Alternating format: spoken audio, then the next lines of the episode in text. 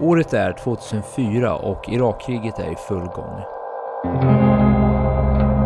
Vi får intimt följa en grupp soldater som är med i en så kallad bombgrupp vars uppgift är att lokalisera och desarmera undangömda bomber i och omkring Iraks gator och torg.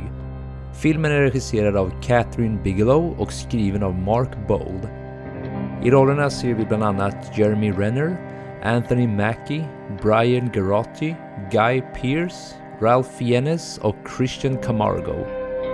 Filmen är 2 timmar och 11 minuter lång, hade en budget på 15 miljoner dollar och drog hem hela sex stycken Oscarsstatyetter under 2010 års Oscarsgala. Bland annat för bästa film och bäst regi. Ovanpå detta så blev Catherine Bigelow dessutom den första kvinna att vinna en Oscar för bästa regissör. Idag ska vi prata om The Hurt Locker.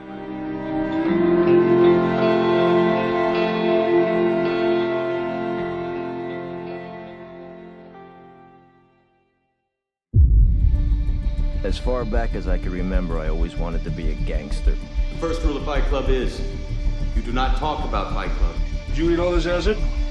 That's right. Music! What is real? How do you define real?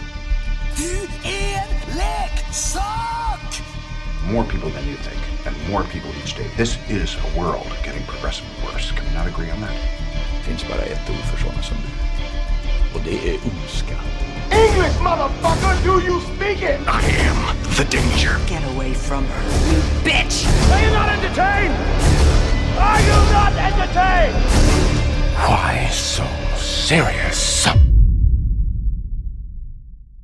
Hej allihopa och välkomna tillbaka till ett nytt avsnitt av Spoiler alert med mig Joel Keskitalo och med mig den ständigt närvarande Benjamin Gabrielsson. Son! Betoning på son idag, det gillar jag. Betyder det att vi är extra igång nu efter vår veckas lilla hiatus där? Kan vara så, kan vara så. Det finns också någonting i mig, någon slags ambivalens om hur jag ska uttala mitt namn där, för att det, jag sitter liksom och, och håller på den medan du presenterar din första lilla grej där du säger, och sen ska jag bara säga Benjamin Gabrielsson. Jag tycker nämligen själv att jag har hört mig själv säga det med konstiga tonarter och böjningar, liksom Benjamin Gabrielsson, jag tycker ibland att jag får någon sån där grej, så att, nej nu försökte jag göra något helt Ja, annat. det, det är nya Benjaminer varje gång. Ja, lite så känns det ju. Så att jag försökte göra något annat den här gången och det blev vad det blev. Jag märker ju nu att fan vad onödigt att vi ska ha hela det här en minuts snacket om mitt namn, men så fick det bli! Det gillar vi, exakt. Det fick bli så den här gången. Ja. Ja. Det, är ibland, det är kul att vi mixar upp det lite ibland.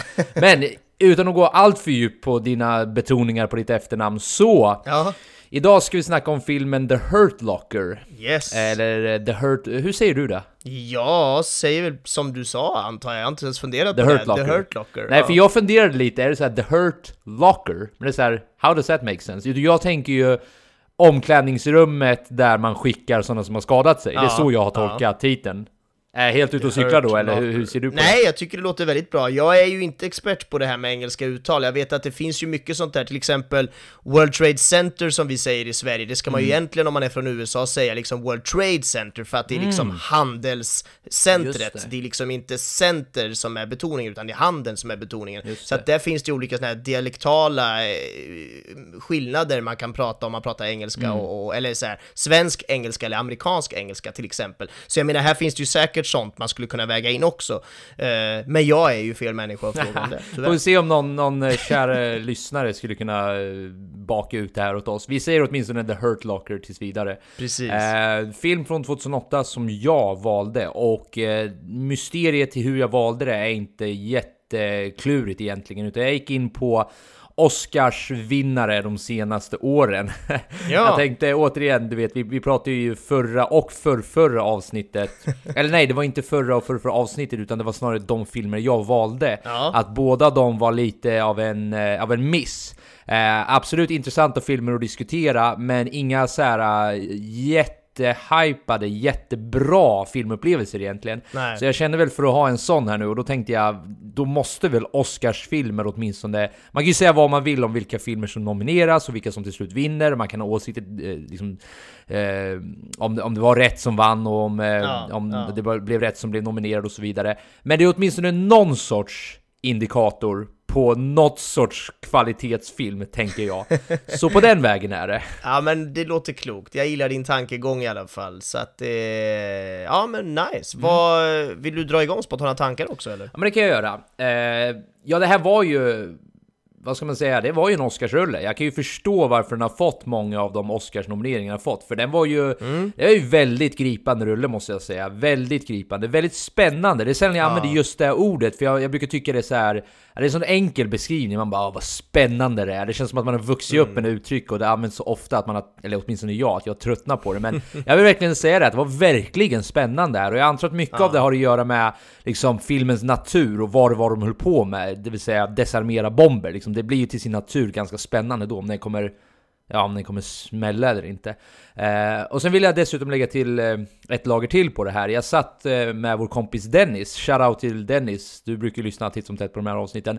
Eh, och eh, det blir ju en liten annorlunda filmupplevelse när man tittar själv versus när man tittar med polare. Ja, Eh, när jag tittar själv, då brukar jag vilja, du vet, helt sugas in i filmen och nästan glömma bort att jag tittar på en film. Du vet som man gör när man sitter på bio. Ja. Och det har ju ett ganska, alltså det, det värdet i sig är ju fantastiskt ju när man bara försvinner in. Men jag upptäckte också och det är klart, jag, jag, jag har haft så här tidigare såklart, men jag har inte riktigt reflekterat över det. Men det är också nice tycker jag att ibland kastas ut ur filmen igen och kunna ha lite små diskussioner om små detaljer. Det är så jag föreställer, sig, föreställer mig att du och jag skulle sitta numera. Nu var det länge sedan du och jag såg en film där vi inte tittade på bio, för där pratar man ju såklart inte. Men eh, det var skit, det var en jä- jäkligt nice upplevelse att Å ena sidan absolut sugas in i det, för det gör man ju stundtals. Men att också kunna ha lite små vet, kommentarer bara. Inte så att det tar över filmupplevelsen, men att höra liksom eh, våra respektives point of view. Ja. Så en fantastisk eh, filmupplevelse får jag säga. Väldigt gripande och väldigt spännande. Ja, vad kul, roligt. Det låter ju alltid härligt. Jag håller med dig om det där man kollar med folk, med kompisar specifikt, för då är det just den där känslan att man kan ha en liten härlig jargong i rummet, man kan snacka lite, man kan kommentera eller skoja om någon, någon replik eller någon grej och det blir ofta liksom härlig stämning, härligare filmupplevelse och så ska man ju såklart inte snacka sönder filmen, men man får Nej, ju precis. välja sina moments och det, det är roligt. Mm, det är ju det. Eh, nej men jag eh, tyckte ju spontant att det här var en väldigt spännande film för att återanvända ordet du var tveksam Ja. för. Men, ja, men verkligen såhär nagelbitare, nervkittlande, vad, vad ska man säga? Det är otroligt sådär, ja, riktigt jävla spännande och det, det var ju kul att kolla på liksom. Så att det var otroligt underhållande och ja, tekniskt jättesnygg och välgjord. Så att det, det finns mycket där jag kommer vilja snacka vidare om. Men, ja men verkligen en härlig upplevelse, så är det ju. Innan vi lämnar det här segmentet spontana tankar så skulle jag bara vilja fråga dig en grej. Mm. Eh, är det så att ditt bristande minne var återigen var till din fördel den här gången? För jag vill minnas när jag pitchar den här filmen om att du kan ha sett den här, eller hur var det? Ja men det stämmer, jag har sett det, jag såg den när den kom, vilket är, vadå, typ 10 år 2008 då sedan alltså. eller någonting. Ja, exakt. Eh, så att det, det var ju lika med noll i princip. Det, det, jag hade, jag, jag mindes typ en av de här extrem slow motion scenerna som är någon gång vid någon explosion, typ den i början där som är väldigt så eh, stilistiskt snygg så, men, Mm. men annars så nej, jag mindes typ ingenting, så det var egentligen perfekt, eh, perfekt film för mitt dåliga minne. Mm, men då vet ju jag det numera. Nu har jag ju verkligen facit på att jag kan välja filmer som är typ en dag gammal. Och du kommer inte minnas... Nej jag skojar bara. Men åtminstone ett par år gammal. Ja, Och jag, alltså, jag, jag menar inte att gränsen. liksom, eh, Jag menar inte att på något sätt basha ditt minne, för jag tror att många upplever det här. Om jag får vara den som är den, så jag har en tendens, har jag märkt, och vi har ju pratat om det tidigare, jag minns filmer jävligt Nej, bra men på du någon, har ju ruskigt bra minne. Du kan ju till och med minnas repliker, långa meningar och citat från en film du har sett en gång. Bara, vad fan håller du på med? Ja, det är Einstein?" skitskumt. Ja, nej, det, det, jag skulle inte ge Einstein-status på det här kanske. Det är snarare jag har inget liv och det är där jag väljer att spendera Sänkt ribba för på. Einstein då kanske. Ja. Nej, men eh, då vet jag åtminstone att trots att du inte har sett den, plus att, inte för att snöa in allt för mycket på det, här, det ger ju också någonting, det är ju, det är ju en nice upplevelse att kunna återuppleva någonting man redan har fått sin njutning av liksom. Ja. För jag kan ju inte se om den här filmen nu och riktigt få, nu kan du såklart inte heller eftersom du nyss såg den. Men även om det skulle vara flera år, jag skulle ju inte få den här surprise-faktorn riktigt Nej, eftersom jag ändå precis. minns i stora delar vart den ska. Det här är inte en generell regel utan ibland stöter jag på filmer som jag har sett men inte minns allting. Men nej, jag, jag, jag tycker det, jag, jag, jag förstår varför du hyllar din egna, ditt, eget, ditt eget bristande minne Ja, stundtals. bara när det kommer till just de här filmerna, annars suger du att ha det här Bara när det minnet, kommer till film, Det ska vi verkligen understryka, men så är det.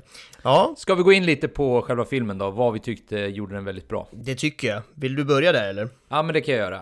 Eh, vi Mm. pratade ju nyss lite om att den var väldigt gripande och spännande, så jag känner att vi inte bör, vi ska eh, kanske inte spinna vidare så mycket på det, men en detalj som jag tyckte var väldigt bra, det var att den inte var speciellt eh, politisk. Nej. Eh, för så, sådana här filmer kan ju lätt bli väldigt politiska eftersom det är ju ett väldigt kontroversiellt ämne det här med Irakkriget som det är specifikt i den här filmen. Och jag menar man kan ha jättemycket åsikter hit och dit. Vi såg ju till exempel Vice som jag menar det, det är bara politik där basically. Ja, exakt. Och det är ju en helt annan sorts film.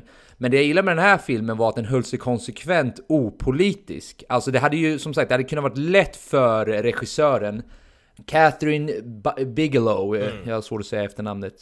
Bigelow, ja, Catherine i alla fall. Det är ju lätt för henne att låta hennes egna politiska åsikter skina igenom genom kanske bara någon liten eh, kommentar eller någonting. Typ såhär. Ja. En av soldaterna skulle ju lätt bara kunna sagt "Wha- What the fuck are we doing here? The, the fucking Washington pricks are putting us in this situation. Och det hade kan, kanske kunnat kännas realistiskt att de har den attityden. Och jag hade nog inte haft något större problem om de hade den attityden heller. För som sagt, soldater på marken kan ju mycket väl ha den attityden. Men jag vill ändå understryka att jag tycker det var väldigt bra att den var väldigt opolitisk och att vi snarare fick se verkligheten bakom det här beslutsfattandet. Har du några tankar om just den delen? Ja men absolut, jag, jag, jag håller med dig om att den känns... Eh... Ja men opolitisk, jag vet inte om jag ska slänga mig med det ordet, ja men det är klart den inte gör det, nej det har du helt rätt i, för jag känner ändå att den har någon slags jag kan nästan känna att den har en underton av någon slags kritik mot kriget Okej. ändå. Men det är kanske jag som, som läser in för mycket på något sätt. Men, Ja, men men för mig handlar det lite om, du vet, alltså det här som känns jävligt coolt och häftigt. Det är den grabbiga stämningen, det är hård jargong och ja, med snabba klipp och explosiv musik och det här gör ju Alltså det gör ju dels att filmen blir liksom spännande att titta på, men det är ju också det här att det förmedlar krigets hårda och brutala sida på ett väldigt effektivt sätt. Och, och där någonstans så tycker jag att den understryker den här liksom känslan av att fan är det vi håller på med? Ska vi verkligen hålla på och kriga Ja. så här? Men det kan ju lika gärna vara min liksom bias som vi brukar prata om, alltså min egna partiskhet som, som väger in här, här kanske. Nej, jag tycker faktiskt inte det. Jag skulle bara vilja särskilja på, för jag håller med dig om den delen. Det, det, det är också en, eh, vi kan lite hastigt segwaya till den punkten. Att Jag håller med dig där om att när man väl får se liksom, krigets brutalitet och verkligheten bakom kriget och Ja men du vet, sättet, jag och Dennis som sagt, som jag tittar på filmen med, vi hade lite små diskussioner om hur skulle vi själva reagerat om en främmande makt gick runt på våra gator och du vet så här, höll på att desarmera bomber och det är söndersprängda byggnader överallt. Det får man ju se i den här filmen när eh, invånarna tittar ut genom fönstren och vissa är jätteskeptiska och man kan ju då få lite empati för de invånare över shit, vad fan har hänt med vårt land egentligen? Men jag vill ändå då understryka att jag skulle inte vilja kalla det här politik riktigt. För det jag menar när jag säger att den är opolitisk, det är att den inte säger åt oss vad vi om att vi ska tycka alla de här grejerna. Nej. Utan den visar oss snarare de här grejerna och låter oss själva, ja där kanske din då bias kommer in om man ska säga. Men i så fall är det min bias också, för kontentan av det man tar, och det kanske har också att göra lite med vår moderna sätt att se på världen, men kontentan av det man får se är ju mycket av det här att varför är det så mycket onödigt lidande i världen? Men jag tror att man kan nå den slutsatsen eller den, den liksom frågeställningen utan att blanda in speciellt mycket politik. Så det är det jag menar med skillnaden här mellan att den känns opolitisk men att man ändå får se som sagt verkligheten bakom politiken. Så, Ja. ja. så jag håller med dig om det du säger. Ja men intressant, det var, det var eh, nice av dig att du kunde nästan göra mig klokare på vad jag ens själv menade, för det var ju precis det där någonstans jag letade efter, för du har ju helt rätt i att den har ju verkligen inget så starkt tydligt politiskt budskap, förutom då att porträttera krigets sanning och verklighet, och Precis. det är ju såklart ett politiskt statement på ett sätt, men det är ju samtidigt bara att dokumentera så här går det till i krig, och så får man ju tycka vad man vill om det, och det har du helt rätt i, och för mig blir det just då att jag tycker ju att vad fan håller vi på med, för krig för mig, ja, det är bara jävligt larvigt och onödigt. Så det, det blir väl en sån eh, tolkning jag själv lägger till där då, i Ja. den här liksom väldigt fria och öppna tolkningen i sig då. Ja, för som sagt, får jag bara understryka det en sista gång då, att när, när jag menar att den är opolitisk och den är fri från politiska manifestationer och liknande, det är att det inte nämns någonting från någon av karaktärerna vad deras, eh, ja men vil, vilka beslut som har fått dem i den här situationen och de, de själva lägger in, ingen värdering på situationen de befinner sig i, utan återigen, vi själva får se verkligheten och realismen bakom ja, som sagt, bakom det här beslutsfattandet som sker tusentals mil bortanför de här, eller vad heter det, ifrån de här soldaterna. Ja. Men som sagt, det är lätt att slänga in vad man själv tycker där om Irakkriget genom en litet dialogutbyte eller en liten reflektion i någon dagbok eller någon, någon admiral som säger the, bastards up in Washington. Jag satt nästan och väntade på att det skulle komma någon kritik mot ja men de som förde oss hit till Irak, men inget av det. Så det är det jag menar med att den var så den var opolitisk, men man ändå fick någon sorts politisk eh, eh, inblick i det. Ja. Nu blir det men- kanske inte luddigt där i slutet, men jag tror du förstår vad jag menar. Jag förstår vad du menar och jag tycker, eh, ja, jag håller verkligen med om att den här filmen gör det otroligt bra, för det är så lätt att själv slänga in sådana mer, ja men dissar mot kriget eller dissar mot, mot liksom regeringen som styr kriget eller vad fan som helst, USA, vad, vad ska de göra i Irak och bla bla bla. Men istället handlar den ju verkligen bara om att de krigar i Irak liksom. Och just den här väldigt så här inzoomade delen av kriget, att det är just den här bombgruppen det handlar om. Det handlar inte om liksom stora arméer eller stora så här, eh, situationer överlag, utan det är just en liten grupp människor som ska desarmera bomber. Det tyckte jag var jävligt spännande. Vad tänker du om den grejen? Jo, jag älskade den delen också. Det är ju många gånger man får se de här, äh, ja men lite, vad heter det, bredare penseldragen med Ja. de större sammanhangen och du vet vem, vem som vi slåss mot här och vad målet är med den här konflikten och det är ju där som sagt man kan stoppa in väldigt mycket politiska värderingar. Men här är det ju oklart, alltså har man ingen koll på Irak-konflikten så vet man ju knappt vad de håller på med. Och den poängen görs, eh, alltså så här tänker jag. Det spelade inte så stor roll, ärligt talat, att man inte visste de större liksom, politiska, geopolitiska liksom, krigssammanhangen de befinner sig i. Man brydde sig till slut inte. Utan det man brydde sig om var ju den här inzoomade perspektivet på de här karaktärerna. Och man, man blev ju väldigt tight med den här gruppen då. Specifikt eh, de tre huvudpersonerna skulle jag vilja Ja. hävda. Vilket var Jeremy Renner, Anthony Mackie och eh, Brian Gerati. Jag kan inte riktigt uttala hans efternamn heller. Men eh, William James, JT Sandborough och Owen Eldridge. De där tre som är... ja, så men, heter de i filmen, filmen eller? Ja, precis. Exakt, precis. Eh, så det här inzoomade perspektivet på deras öden gjorde att jag åtminstone inte längre tänkte så mycket på det här större perspektivet av vad de gör i Irak och vilka det är de slåss mot, utan nu när det var så här inzoomat så brydde jag mig egentligen bara om, okej, hur fan ska du desarmera den här bomben? Ja, det, det, det blev liksom så inzoomat att jag glömde bort all den här större kontexten på vad de höll på med.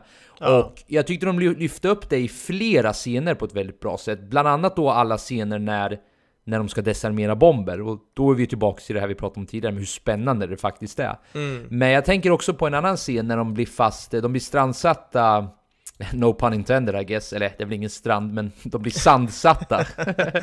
Eh, Sandstrandsatta, ja. ja. Ja, precis. De hamnar ju där ute, eh, ja den här bombgruppen då, stöter ju på en brittisk grupp, verkar Ja, det som i alla ja. fall. De har åtminstone den dialekten. Eh, och sen blir de fast där ett tag. Mm. Och där har vi, tycker jag, ett eh, perfekt sånt exempel på när saker är inzoomade. Att vi bara följer den här lilla gruppen och där är det så lätt att bara liksom cutta den scenen och visa oss en annan scen på ah, vi har en bombgrupp som är fast här ute och du vet, de är där på kartan och de slåss mot dem där och de kommer få förstärkningar där. Men vi fick inget av det här, utan vi fick bara den kalla, i det här fallet då varma, hårda verkligheten Ja. på hur de här soldaterna upplever det. Precis, och det är ju just det där som är väldigt intressant, att det det är ju dels aspekten där med att man, vi fick inte veta så mycket information om allt runt omkring, utan vi blir helt plötsligt bara inkastade i att okej, vad vet de? De vet nästan ingenting. Okej, det kanske är en bomb där borta, vi får börja med att ta reda på om det ens är en bomb och hela den biten, att det, är- det är det där ja men det är ju väldigt dokumentär känsla som de jobbar med nästan hela tiden här under filmen, att vi ska känna som att vi är ett litet kamerateam nästan som springer med de här soldaterna och, och får följa dem. Den andra aspekt som jag tycker blir väldigt intressant och, och även spännande i hela den här filmen är ju just att det är det här med bombgruppen, att de ska desarmera bomber. Dels för att bomber är liksom, det är spännande att des desarmera en bomb som du var inne på, men det är också det här med att de känns ju dessutom då ganska oskyldiga i det stora hela kriget, eftersom de gör ju tekniskt sett något jävligt gott, till och med för de som bor där, Ja, så tar de ju bort bomber och försöker liksom rädda så många människor som möjligt, även om det kan, kan bidra till att någon person blir dödad här och var, någon civil som kanske inte var tvungen att bli det och så vidare. Det finns ju såklart massa mörker i allt det här också, men det, det finns någon slags positivitet.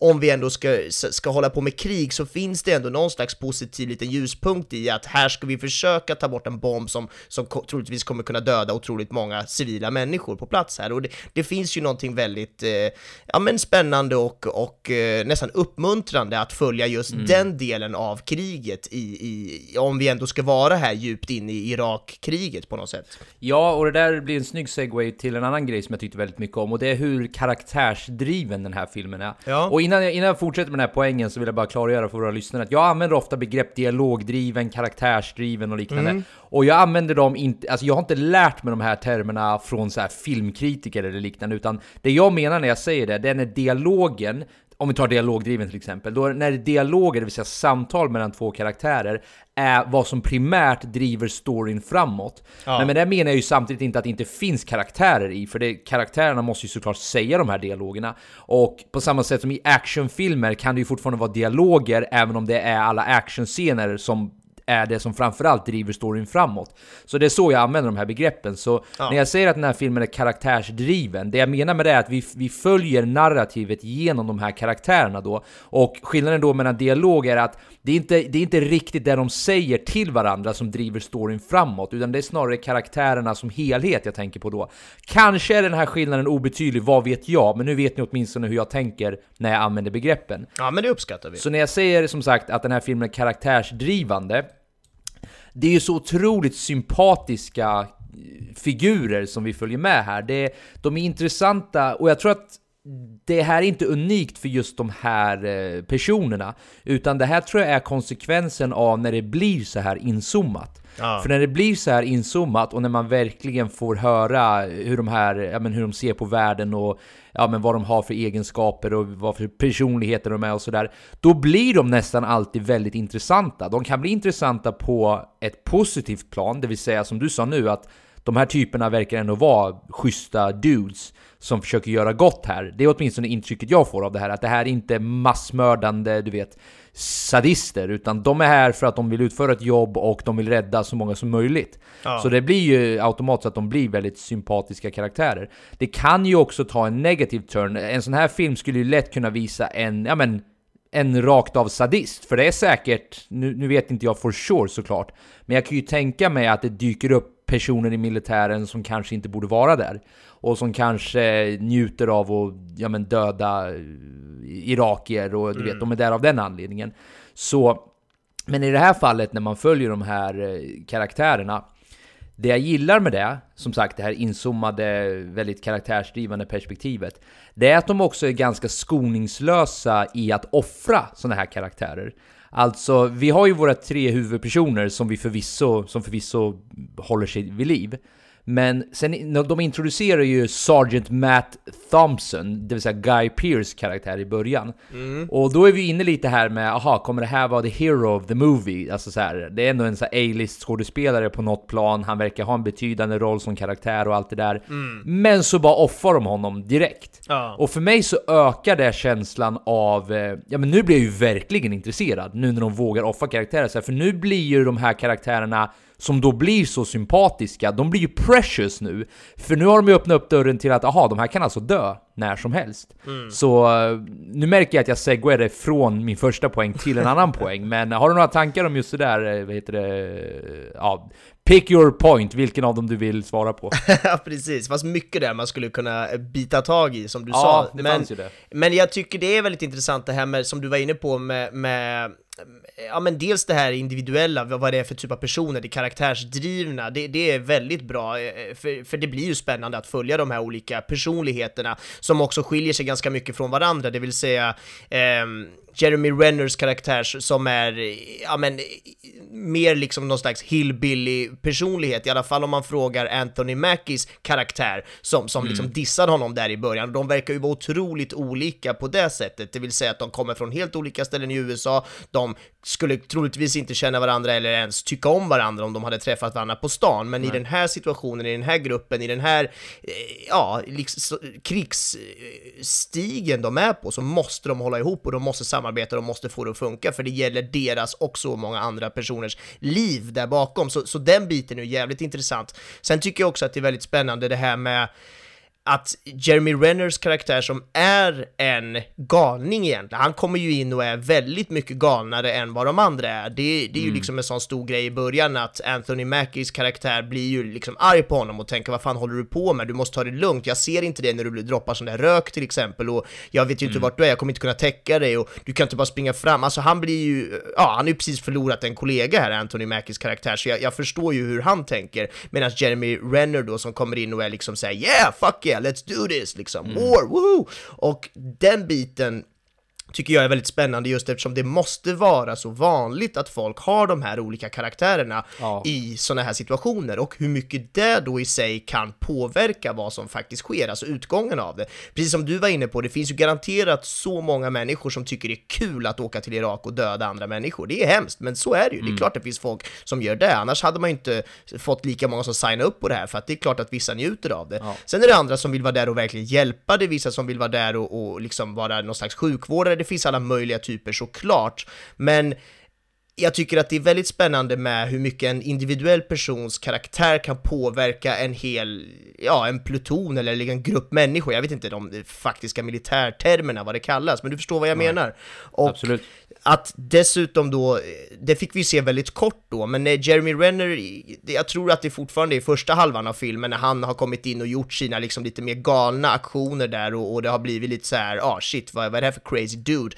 Då kommer det ju fram någon så här överste överste till honom och, och skakar hand med honom och säger wow, how many bombs has you, have you diffused? You're a crazy guy, I love it, I love that you're so crazy. Alltså du vet, han verkligen går loss på hans galenhet och då förstår man ju att de där snubbarna finns ju också. De här som liksom äggar på och peppar folk till att vara mer galna för att yeah, that's cool, that's USA motherfucker. Alltså det finns den attityden bakom det som jag också tycker är, ja men det är obehagligt bara att det finns sådana människor, för det känns som att det är så lätt för dem att gå utanför sin, sin målram, det vill säga vad som är okej och inte okej, varför de ens är där från första början om folk helt plötsligt ska kunna ta till vilka medel och vapen de vill bara för att de tycker att det är kul eller coolt och ah, jag vet inte riktigt vad min poäng är, men det finns någonting läskigt i hur individuella, individuella val och individuella personer kan göra olika saker som, som påverkar så extremt mycket och stora, ja, händelser, situationer.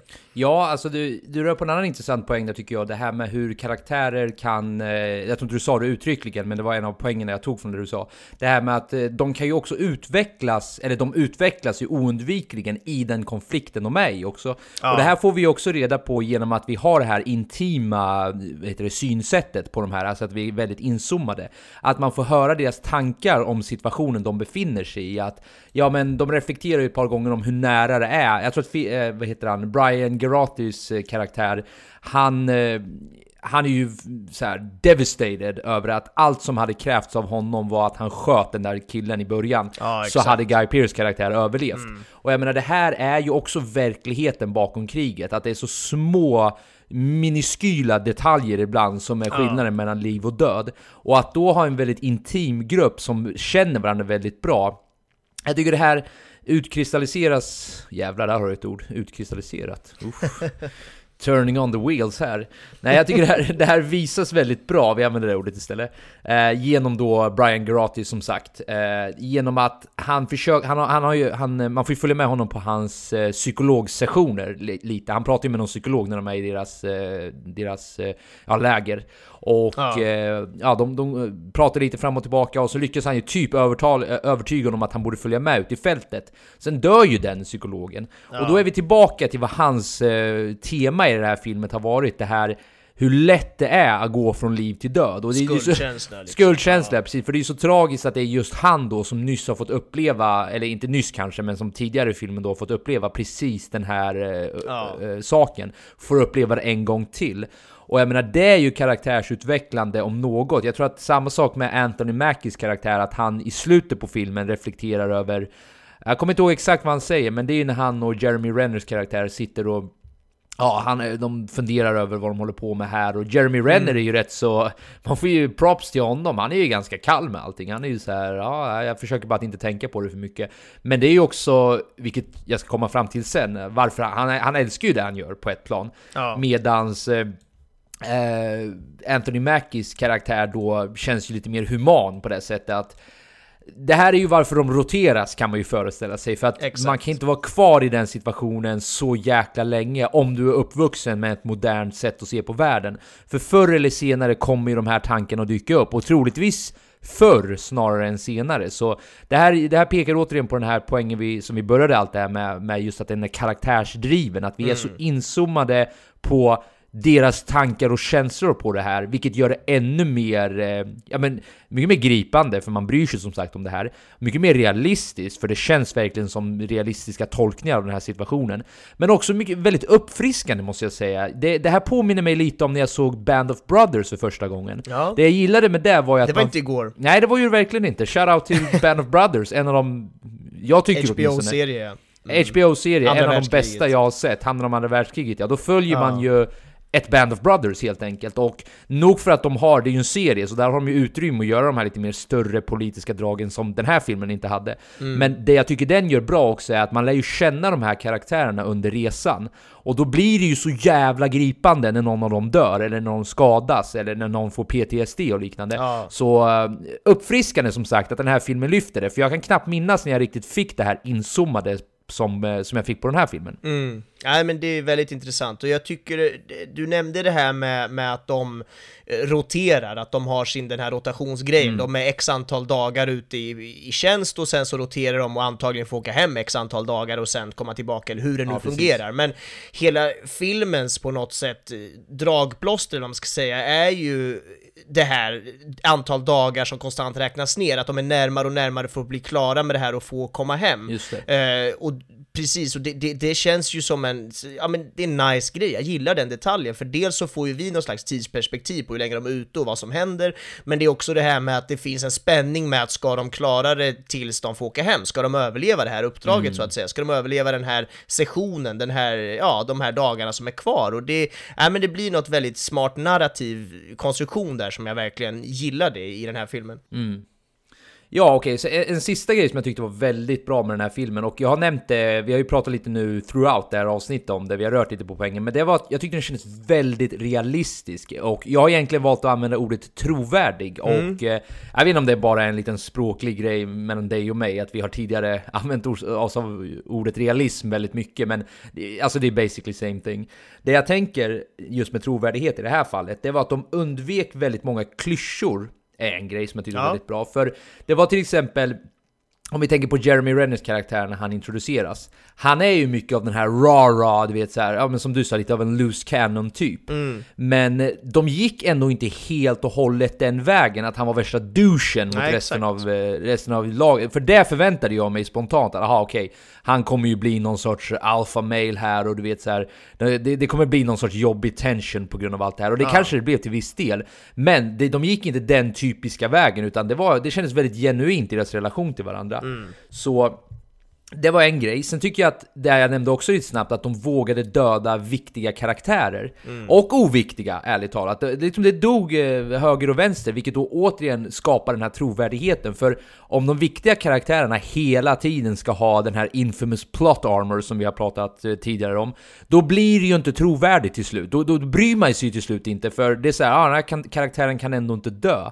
Så, äh, skitglad att de vågade döda, det kan låta så här grymt, men det är härligt att ni vågar döda era karaktärer. Ja. Kill your darlings, fast i en eh, filmkontext. Ja men exakt. Eh, så har du lite mer tankar om just det här med trovärdighet och realism? Ja men jag tycker det är väldigt spännande och, och bara för att fylla i på, på en liten grej där du nämnde med realism och hur vi brukar prata om det, så realism i sig är ju mer av en typ av film, det är ju mer ett slags begrepp, ett genrebegrepp nästan för att sammanfatta filmer som är dels väldigt realistiska men ingår i någon slags samlingsnamn för realism. Det där är superluddigt och det finns, det finns liksom mängder med forskning om det här inne, inne i filmvärlden, så att det ska vi inte ens ge oss in på. Men bara för att förtydliga ytterligare att realism i sig är egentligen något annat än realistiskt. Och det här är ju väldigt realistiskt, men det är liksom inte en film som klassas som realism på det sättet. Så nu har vi rätt ut den lilla grejen i alla fall. Men eh, jag håller med dig om att den är extremt trovärdig och den känns väldigt, ja, autentisk och äkta. Och jag tror att det beror mycket på det här eh, spänningen och det här nästan dokumentära känslan som man får ibland. Och vi kommer komma in massa på det, på det tekniska. Ja. Men jag gillar ju verkligen hur den är så extremt jävla spännande och liksom så här, ja, jag nämnde ju nagelbitarkänslan, man sitter och, och, och spänner sig under hela filmen och jag tycker det är imponerande med tanke på att liksom uppdrag efter uppdrag i princip är ju nästan typ samma sak som händer. Det är väldigt likt det här. De ska ut och ska hitta en bomb, det är höga hus, det finns kanske någon som är sniper, det finns kanske någon dude med en telefon. Det är ungefär exakt det som händer i varje uppdrag, men ändå så är det sjukt spännande varje gång, för att det finns de här spänningselementen som hela tiden ligger och gror där, och mycket av det beror ju på det tekniska. Så ja, ska, ska vi smita över till det tekniska Joel, vad tänker du? Ja, nej men jag tycker det. Vi, det känns som att vi har pratat en hel del nu, så ja, vi rör oss mot eh, det tekniska. Ja, den här filmen är filmad med 16 mm film med en kamera som heter Aton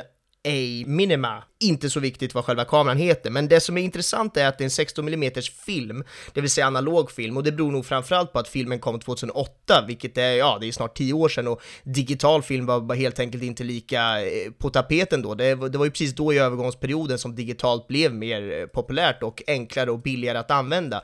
Men det som är spännande med just att det är 16 mm, det är alltså ett väldigt litet format, vilket gör att filmen blir liten, vilket gör att själva kameran blir liten. Och det är där de har varit ute efter när de skulle göra den här filmen. De vill ha så liten kamera som möjligt, just för att kunna vara ute och köra det här väldigt intensiva bildspråket. Det är liksom öken, det är miljöer, kameran är skakig hela tiden och det är verkligen den här liksom en liten smidig kamera som hjälper till för att man ska kunna fånga den grejen. Den här kameran togs fram, eh, ja det var någon gång på 90-talet den började användas, men då var det framförallt folk som höll på med dokumentärfilm eller amatörfilm på olika nivåer som kunde använda den här kameran för att den var lite billigare och lite mindre, men framförallt den här storleken och att den är mindre, och det har de ju verkligen utnyttjat på ett bra sätt i den här filmen.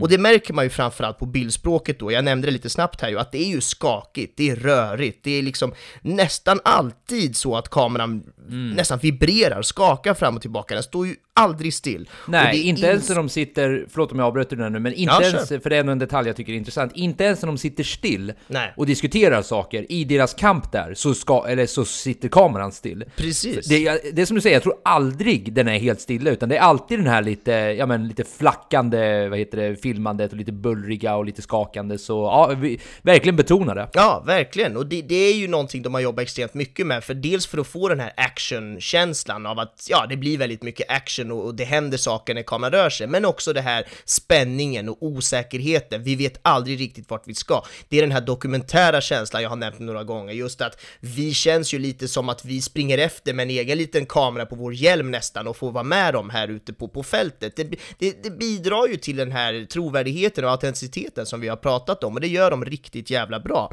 En annan grej som är lite spännande med bildspråket är att kameran står ofta en bit bort från människor. Den kanske står 10-20 meter bort ibland och så, så har de använt olika zoomobjektiv så att man får lite den här spionkänslan. Man får lite känslan Ja, av att det exakt. står folk, alltså vi som tittar på filmen, vi står en bit bort nästan och gömmer oss och tittar lite, vi smygtittar lite på de här människorna. Och det är ytterligare en faktor som bidrar till den här spänningen, autenticiteten, men också det här liksom dokumentära känslan. Så att de har ju använt många olika knep här för att på ett enkelt och tydligt sätt verkligen förmedla spänning, realistisk eh, trovärdighet och, och, och dokumentär känsla. Ja, de gör det riktigt jävla bra i alla fall. dessutom så har vi ju, när vi ändå pratar om kameraspråket, så har vi ju det här så, som, som jag nämnde kort också förut, men det här med slow motion scener, alltså extrem slow motion scen. Mm. Och dels så är ju det, det är häftigt, det är snyggt, det är coolt, eh, speciellt med tanke på att det här var tio år sedan, det är klart att de hade såna här kameror då, men det jag menar är att idag kan du basically filma liknande scener med din iPhone, bara för att vi har kommit så jävla långt i liksom slow motion-utvecklingen med smartphones till exempel. Men på den här tiden var du verkligen tvungen att ha en superjävla maxad eh, slow motion-kamera som filmar i otroligt många bilder per sekund. Man kan ju säga så att en vanlig film, när man spelar in vanlig film helt enkelt, så filmar man i 25 bilder per sekund. Eh, det är lite som en sån här gammal block, om du skulle måla en liten bild där och så bläddrar du ett blad så målar du lite till och att han rör sig, det är så det fungerar med film helt enkelt. Det jag vill komma fram till helt enkelt är ju bara att när du ska filma extrem slow motion så behövs det otroligt många fler bilder per sekund för att det ska kunna gå sådär långsamt och vi ska kunna se all information. Och här var de tvungna att använda väldigt så specialkameror för att kunna filma så extremt, extremt långsamt som de gör ibland i de här, speciellt i de här explosionsscenerna när, när det bara sprängs helt enkelt. Och det är ju dels coolt och det är snyggt och det är effektfullt, men det är framförallt det här ja men för att accentuera kraften och trycket i en sån här explosion för att vi verkligen ska känna, det blir ju nästan som att vi känner tryckvågen i oss när vi ser den här liksom dammet lyfter från marken jämt med tryckvågen och samtidigt som, som lacken från bilen liksom släpper där bara för att det, det vibrerar i den här extrem slow motion. Nej men det är ett väldigt smart sätt att jobba på just för att det är coolt, snyggt men framförallt väldigt, väldigt effektfullt för att förklara det som faktiskt sker i bild. Och ja, det gör de riktigt jävla bra. Ja, och om det är någon scen man ska använda den här slow motion effekten på så är det just sådana där scener. För det jag kan känna många gånger när man blandar in sådana effekter, det är ju att vi har ju pratat tidigare om det här med att man tas bort från den här känslan av ja, realism använder jag återigen nu, men Ja. som i, i filmer när de till exempel inte har, ja men som förra veckans, eh, eller förra avsnittet när vi pratade om eh, nu har jag såklart glömt bort vilken film det var vi pratade om. Men Jag kommer i, den heter ju så mycket som First Reformed. Ja. När vi pratade om den, att den var ju så jävla effektfull när den inte hade någon musik i sig. Och Mm. att det ändå funkade med tanke på vad det var för musik de valde att introducera sen, att det snarare var ambient ljud. Vilket för övrigt den här filmen också gjorde, men vi kommer till den punkten sen. Ja. Men ska man visa slow motion effekter på det här sättet, som ändå för mig kan ta mig ur det lite, för då blir det så här, oh, wow, slow motion, är vi inne i Matrix eller? Men nu överdriver jag lite förvisso, men, men ska det vara något ställe de visar såna här på, så är det ju i en sån effekt, för, eller i en sån explosion, för effekten av det blir precis som du säger, att man dras ju med in i hur fucking mäktiga explosioner det faktiskt är.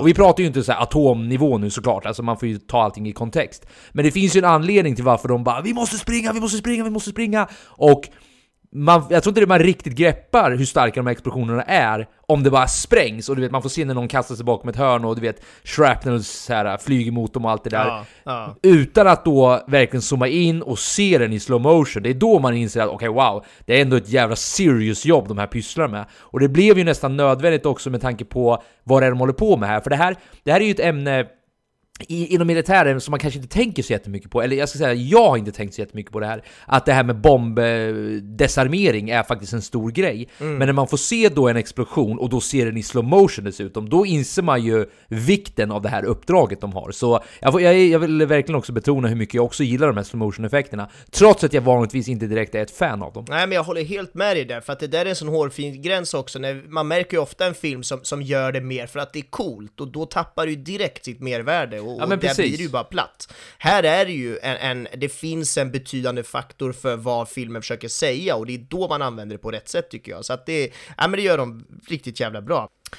Men precis som vi pratade om det här med att eh, kameraspråket är ju vä- väldigt så rörigt, snabbt och skakigt, så, så går ju det också hand i hand med hur, hur de har klippt den här filmen. Och klippningen då, alltså själva redigeringen, är ju också sådär väldigt, väldigt snabb och det klipps ofta och det klipps många olika snabba klipp på en och samma person till och med som står och pratar och det är ju hela den här bidrar ju till hela den känslan av spänning, det är, det är action, det finns någon slags nervositet som konstant närvarar i, i filmens universum och det, det hjälper ju klippningen med, eh, till med här såklart och, och på det då har vi ju också något som är liksom så otroligt jävla välgjort i den här filmen och det är ljudläggningen som de jobbar med konstant. Och det är just att det är den här väldigt, väldigt ja, men fylliga och tydliga ljudbilden som, som verkligen behövs för att fylla i det här liksom röriga och snabba bildspråket med snabba klipp hela tiden. Och det kan ju vara allt möjligt man hör.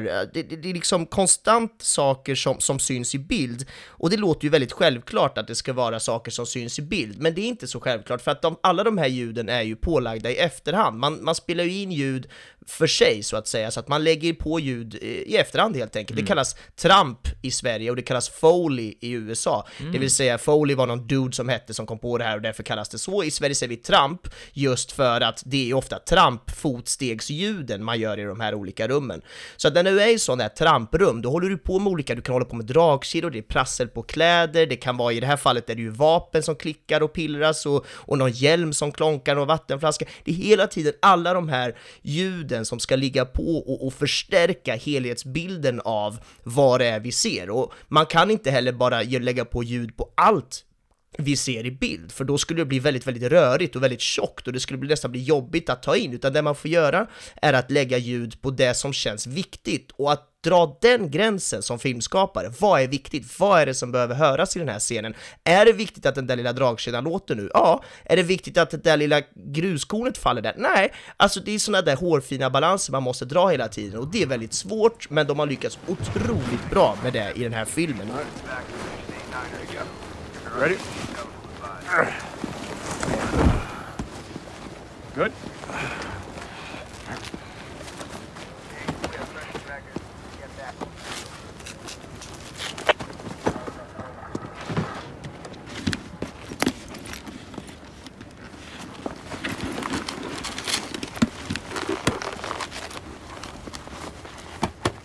Ja, det, det, det är fantastiskt hur bra ljudlagd den är, verkligen. De vann ju även Oscar för dels bästa klippning, men också bästa ljudmixning och, och ljudredigering och sådär. Så att det, det är välförtjänta statyetter.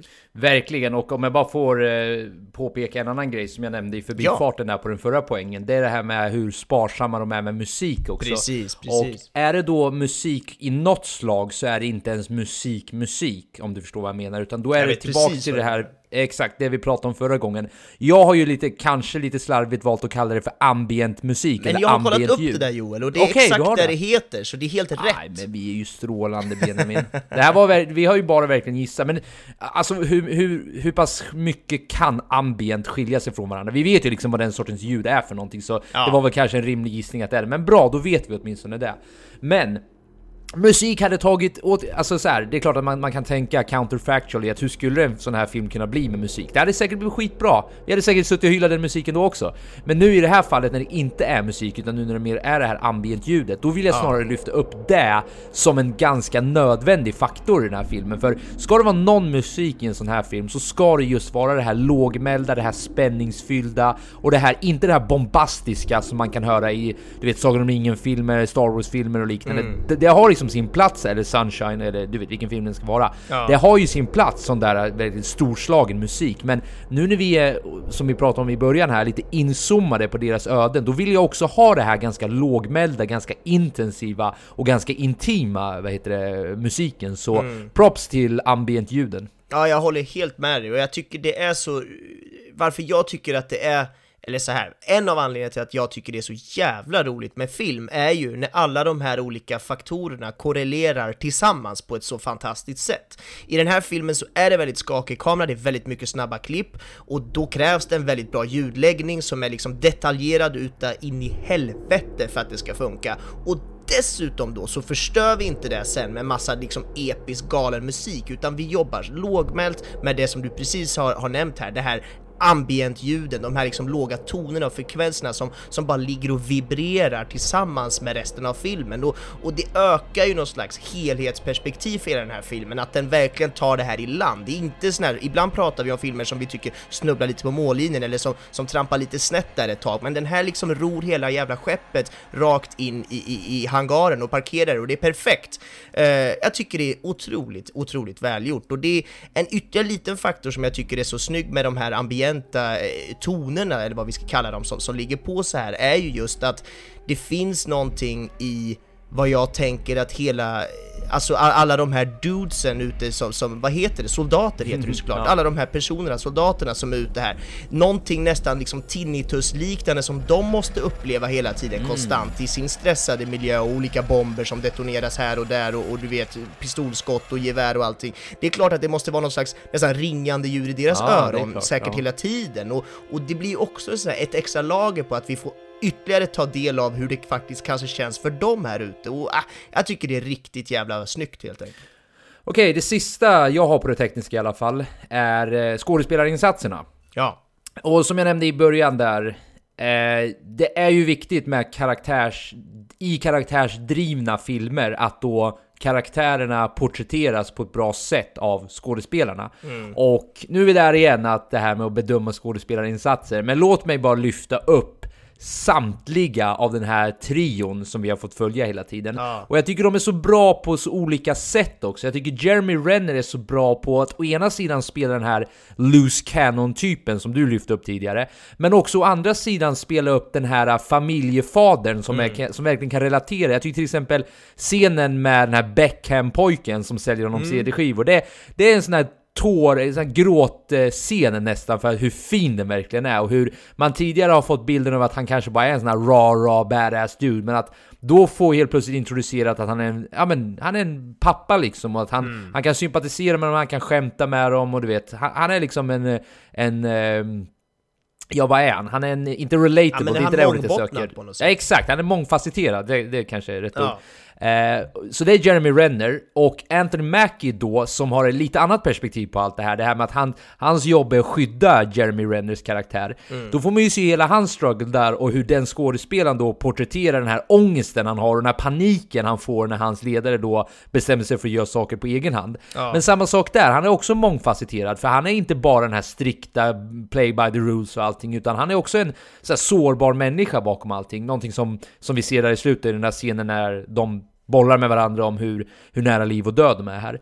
Och då i sista, om jag bara får lyfta upp eh, Brian Garati också, som jag tycker är bäst av de här tre. För jag, jag tycker alla hans ångestscener, när han är så förtvivlad över hur, eh, eh, ja men, eh, så här, fan alla dör de olika omkring mig. besluten han Ja, måste ta ja, men- och hur svåra de är och det blir Exakt. fel och allt det. Precis. Om det är någonting jag saknar dock, eh, slår det mig nu faktiskt, då jag hade Mhm. kanske velat sett en lite starkare reaktion från honom när den där psykologen dog. Ja, För det slår mig nu att man får ju med se att han reagerar under stunden där, men de hade ju också satt upp det väldigt bra till en större reaktion där lite senare, att han Efteråt kanske totalt ja, exakt. Mm. Exakt, efteråt. Eh, nu, nu slår det mig som sagt att jag saknade den, för du upptäckte ingenting heller? eller? Nej, men det- slog mig precis också nu när du sa det, att det är självklart, för att han reagerade ju väldigt starkt när den första kollegan dog och, och då var det ju, det var liksom psykologsamtal och han lät ju nästan galen där ett tag när han satt och spelade tv-spel och bara ah, jag, så här, tar upp geväret och börjar klicka med den och bara dead alive, dead alive, det är liksom starkt som Ja. fan, men precis, det hade man gärna haft en lite liten uppföljning på den också så hade det ju varit, då hade det varit klockrent, men det är ju Verkligen. heller inte skådisens fel egentligen, det är ju filmens fel på något sätt. precis. D- där hade han dock, eh, det hade varit eh, ett plus till för hans skådespelarinsats Ja. om, han, han- om han hade fått en sån scen eh, och få porträttera en sån scen. Precis. Eh, ha, eh, Nu lyfter jag upp de tre mainsen, men har, har du något du vill tillägga på skådespelarinsatserna?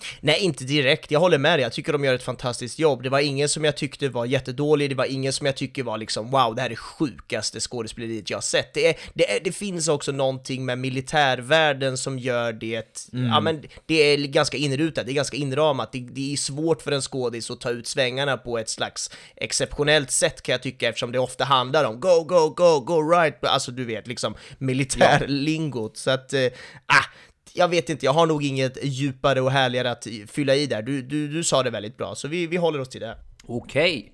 Men eh, jag känner mig rätt så nöjd generellt nu. Ja. Ska vi röra oss mot eh, slutord och sen favoritscen och trivia och fan vad vi nu har kvar? Det tycker jag verkligen. Vi kör på. i den här skitpodden. Nej, jag ska bara. Nej, men summering då. Alltså en otroligt gripande, en otroligt spännande och en otroligt trovärdig skildring av, eh, ja men några, o- otroligt inzoomad också på några få karaktärers upplevelser av Irakkriget. Så bravo! Det här tyckte jag var en, det var en hit för min del i alla fall. Mm, vad kul. Jag är med dig på det spåret. Jag tycker den är väldigt, väldigt, väldigt spännande. Det, det är någonting där med, med, ja, i brist på annat ord så är det ju just det här spännande som de lyckas så bra med, vilket jag blev imponerad över med tanke på hur relativt enformig själva storyn är. Så äh, jag är riktigt imponerad och plus allt det här otroligt vackra och härliga tekniska som, som liksom förgyller hela upplevelsen i så många olika lager som vi har pratat om. Äh, det, det, då, då vinner man mitt hjärta, så är det. Min favoritscen då Ja. är den absolut första scenen faktiskt. Vad och kul. då, då menar jag hela den... Ja, det är scenen då Guy Pearce, då, den första ledaren för det här Mm. äh, Bomb Disarmament Team, ska desarmera en av de här bomberna. Och eh, det jag gillar med det är att vi får en kort introduktion med, ja men för den här Guy Pearce då. då. Ja. Eh, eller han heter ju så mycket som Sergeant Matt Thompson heter han ju, men det är ju Guy Pearce karaktär då som Ja. sagt. Eh, och då blir man ju introducerad till det här jag sa tidigare, att kommer det här vara en major player? Jag menar, ah nice, Mm. Guy Pearce, han gillar mig ändå, han är jävligt bra. Men att de då också de tar död på honom så tidigt. Och då i den här scenen så har vi också en sån här slow motion scen vi pratade om tidigare. Ja. Och när han då ramlar framåt, så, och när man får se hur blodet bara splättas upp på insidan av hans hjälm.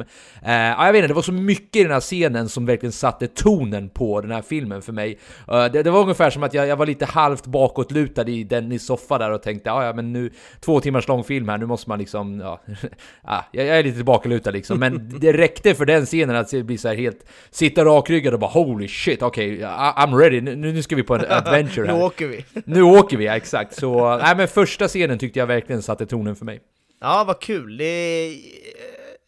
Jag vill ju inte säga det här, men jag kommer säga det ändå. Det var ju svårt som vanligt att välja favoritscen. Jag, jag, jag, jag undvek faktiskt medvetet att säga det, men nu gjorde du det i alla fall. Ja, jag gör det, förlåt. Det är så uttjatat. Jag kan gissa att folk stänger av nu när de hör det här. Men ja, det är skitsvårt. Och varför gör vi det? Jo, för att det är kul ändå att pinpointa såna här saker. Och jag gillade väldigt många scener, men de- den här scenen som du nämnde lite kort förut, när de är ute i öknen och träffar på de här britterna, den här brittiska liksom egna lilla insatsstyrkan, och, och så blir de överfallna där i öknen och så är det någon slags krypskyttar, alltså vad heter det, sniper som ligger en bit bort i något hus där. Jag tyckte den scenen var riktigt jävla spännande och, och det, det fanns detaljer i den som jag gillade. Dels det här med att det var, liksom, det var galet, det hände från ingenstans, vad fan är det som händer? De själva visste typ ingenting, och att britterna var inblandade där, att det blev någon slags så här, vi samarbetar, vi vänner-grej som jag gillade, men också eh, små detaljer som till exempel att när de låg där uppe, alltså det vill säga eh, Jeremy Renner och Anthony Mackies karaktär, när de låg där uppe och skulle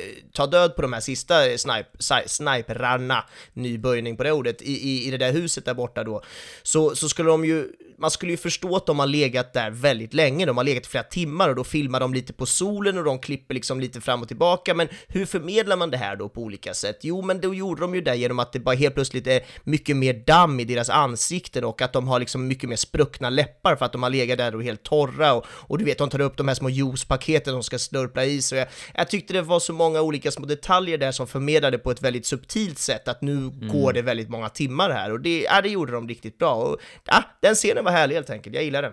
Man blev ju törstig av att bara titta på den scenen. Ja, När man såg hur torra deras läppar var, hur mycket sand de Ja. hade i ansiktet. Man, verkligen, man kunde verkligen empatisera med dem. Precis, ja, det var snyggt. Okej, Ja. då rör vi oss lite mot eh, lite roliga fakta, det vill säga trivia som den här Ja, filmen. vad kul. Vad har du Joel? Jo, jag har väl ett par stycken här. Eh, Catherine Bigelow, som sagt, ber om ursäkt ifall jag uttalar hennes efternamn fel, men det är alltså regissören till den här Tror filmen. det är rätt. Ja, jag, jag bara läser straight up nu, det står ju B-I-G-E-L-O-W, Bigelow säger jag då. Ja, jag tycker Ja. det låter väldigt rätt. Eh, hon hävdade i alla fall att ingen scen som filmades eh, ja, under den här filminspelningen då, då var, vad heter det, left out of the final cut. Jag har inget bättre sätt att säga det på svenska just nu, men att alla scener som filmades blev tydligen inkluderade sen i, Wow. i den sista, vad heter det, versionen. Så Ja, det är lite häftigt. Det är ju välplanerat i så fall, för då, ja, det är väldigt bra jobbat. Och sen då lite om det här eh, The Hurt Locker som vi började avsnittet med att prata Ja, om där. Hur, det är tydligen ett, eh, ett uttryck som soldater började använda i, eh, under Vietnamkriget. Och eh, det är precis så att man säger att du blir skickad till The Hurt Locker om du har blivit skadad liksom. Så det var inte bara en gissning från mig, det var tydligen så också. Ja, vad spännande, kul.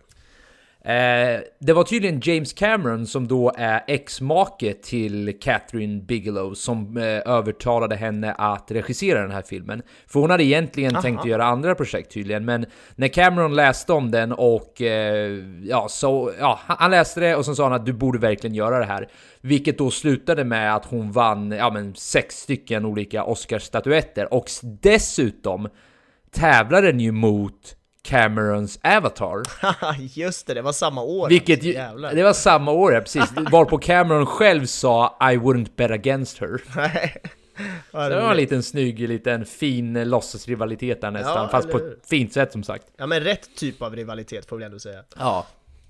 Och sen då lite mer hyllning till Catherine Bigelow. Hon är tydligen den första kvinnan. Ja. Eh, ja, det har du. Det, det, vet har jag också vad jag ska koll på. säga här nu. Ja, hon är den första. Filmen hon, hon regisserade här är den första. Hon var den första kvinnliga regissören att vinna en Best Picture, alltså bästa film då. då. Ja, men eh, exakt, och hon är ju faktiskt också den första kvinnan som vinner bästa regi helt enkelt, bästa achievement in directing, och ja, det är fantastiskt. Det är en så himla mansdominerad värld, den här filmvärlden, Mm. så det är underbart när det sticker upp eh, kvinnliga regissörer och, och, och filmskapare överhuvudtaget. Mm. Eh, bara för att fortsätta på det här spåret då med Catherine Bigelow, så du och jag brukar ju prata om det här med, eller vi brukar ärligt talat inte prata om det, men vi har pratat om det tidigare, det här med att ha final cut, alltså du bestämmer i slutändan vad som ska vara med i filmen eller inte. Ja. Och det är ju inte många regissörer tydligen som har den lyxen att de får bestämma exakt hur filmen ska vara, vilket man kan tycka är Nej. lite tråkigt. Vi brukar ju lyfta Det är upp oftast Chris, massa producenter och filmbolag Ja, och liknande för att det är där pengarna ligger och så. och du och jag brukar ju lyfta upp Chris Nolan, Christopher Nolan då, som ett eh, så här, undantag för det här, för vem skulle våga trotsa honom liksom? Men hon hade i alla fall, eh, vad heter det, lyxen att faktiskt få bestämma hur filmen skulle sluta. Eller hur, hur, hur klippningen då skulle, skulle bli. Okej. Hon hade helt enkelt eh, final say in it. Ja, vad häftigt. Kul för henne och kul för filmen också att den får bli liksom precis som hon vill och det, det är alltid härligt. Och eh, angående den här eh, trion vi har pratat om så mycket då. Tydligen så var tanken att, eh, nu är det två av tre här då, men att Colin Farrell och William Defoe skulle, vad heter det, egentligen ha spelat de här, jag vet inte, det är oklart vilka karaktärer de skulle ha spri- spelat, men de är åtminstone lyfta som att de skulle, eh, originally så var det tänkt att de skulle vara med i den här filmen. Antagligen någon av dem i trion då, Ja. vad spännande. Mm. Ja, exakt, det har man också en sån här, eh, man kan, eh, man kan föreställa sig hur det skulle kunna bli. Ja, Ja, en sista då. Eh, Jeremy Renner, under någon av eh, scenerna, oklart vilken det var, så, så när han skulle bära ner en av de här, en av de här ungarna i någon scen, jag tror det var den scenen när de hittar eh, eh, kroppen av, eh, exakt, Ja. och de har lagt bomber i, eh, vilket är en helt sjukt intensiv scen för övrigt. ja. Eh, men när han skulle bära ner den då så, så ramlade han tydligen och bröt sin ankel. så han var tvungen, att, säger man ankel på svenska? Kan man göra det? Nja, man säger vrist kanske tror jag. Ja, visst. Ja, du, ni förstår vad jag menar. Alltså fot. Fotleden Ja. där nere. Han bröt Eh, foten. Ja, han bröt foten. Så, alltså, I flera veckor så var de tvungna att pausa filmandet bara för att de, han kunde inte gå. Oh wow, shit. Men eh, det finns mer av de här, det finns faktiskt jättemycket roliga fakta om den här filmen om ni går in på IMDB så eh, ja, det finns där ifall ni skulle vilja se mer. Kul! Då har vi bara en sista grej då, då ska vi bara berätta nästa veckas film innan vi rundar av det här. Precis, och det är jag som tar fram den den här gången. Ja, det är det. Nästa veckas film blir The Highwaymen 2019. Ooh. Det är alltså en Netflix-producerad film som kom, eh, hade svensk premiär då i mars, jag antar att den har premiär överallt samtidigt som det är Netflix, men just att det är eh, Kevin Costner och Woody Harrelson i eh, huvudrollerna. Och det tycker jag låter spännande, jag älskar ju Kevin Costner från jag var liten, han var en stor favorit från mig och eh, Woody Harrelson känns ju alltid som en härlig Eller hur? Han levererar på. typ alltid. Ja. Ja, så att, eh, men jag vet egentligen ingenting om den här filmen förutom att det är de två, den är Netflix-producerad och ja, den visas där helt enkelt. Så att det är en riktig chansning från min sida den här gången. Den kan vara bu eller bä, det får vi se. Det är din tur att stöta på en bu eller bä. Bä blir det väl? För bä är ju värdelöst Ja, i det här. i så fall. Det är din tur det, någon gång att göra det. För jag känner att du, du brukar på något jävla sätt alltid naila bra jävla filmer. Men äh, det ska bli intressant. Netflix producerar också så den är lätt att få tag på för er som... Det, är- många har ju Netflix-prenumerationer redan så Precis, bara in där och ofta titta. känner man ju någon som har dem, inte annat. Så, så det, det går ju att lösa. The Highwaymen 2019 alltså. Perfekt, men eh, då får vi tacka så mycket för att ni har lyssnat på ett nytt avsnitt av Spoiler alert. Vi finns på Facebook, där heter vi Spoiler alert. Vi finns på valfri podcast app och som du betonade förra gången, vi finns på Spotify och Ja. skulle vi inte finnas på er favorit podcast app så säg det, skriv det, meddela oss på något sätt så ska vi se till att eh, fixa det helt enkelt. Exakt, det gör vi i så fall, för det går att få in sig själv på nästan vilken app man vill om man väl har en podcast med en seriös liksom, användare och allt vad det är, så att det, det fixar vi i så fall. Men kul att ni har lyssnat! Ja, tack för oss och på återhörande nästa vecka. Så säger vi, ha det bra, hej då! Hej då!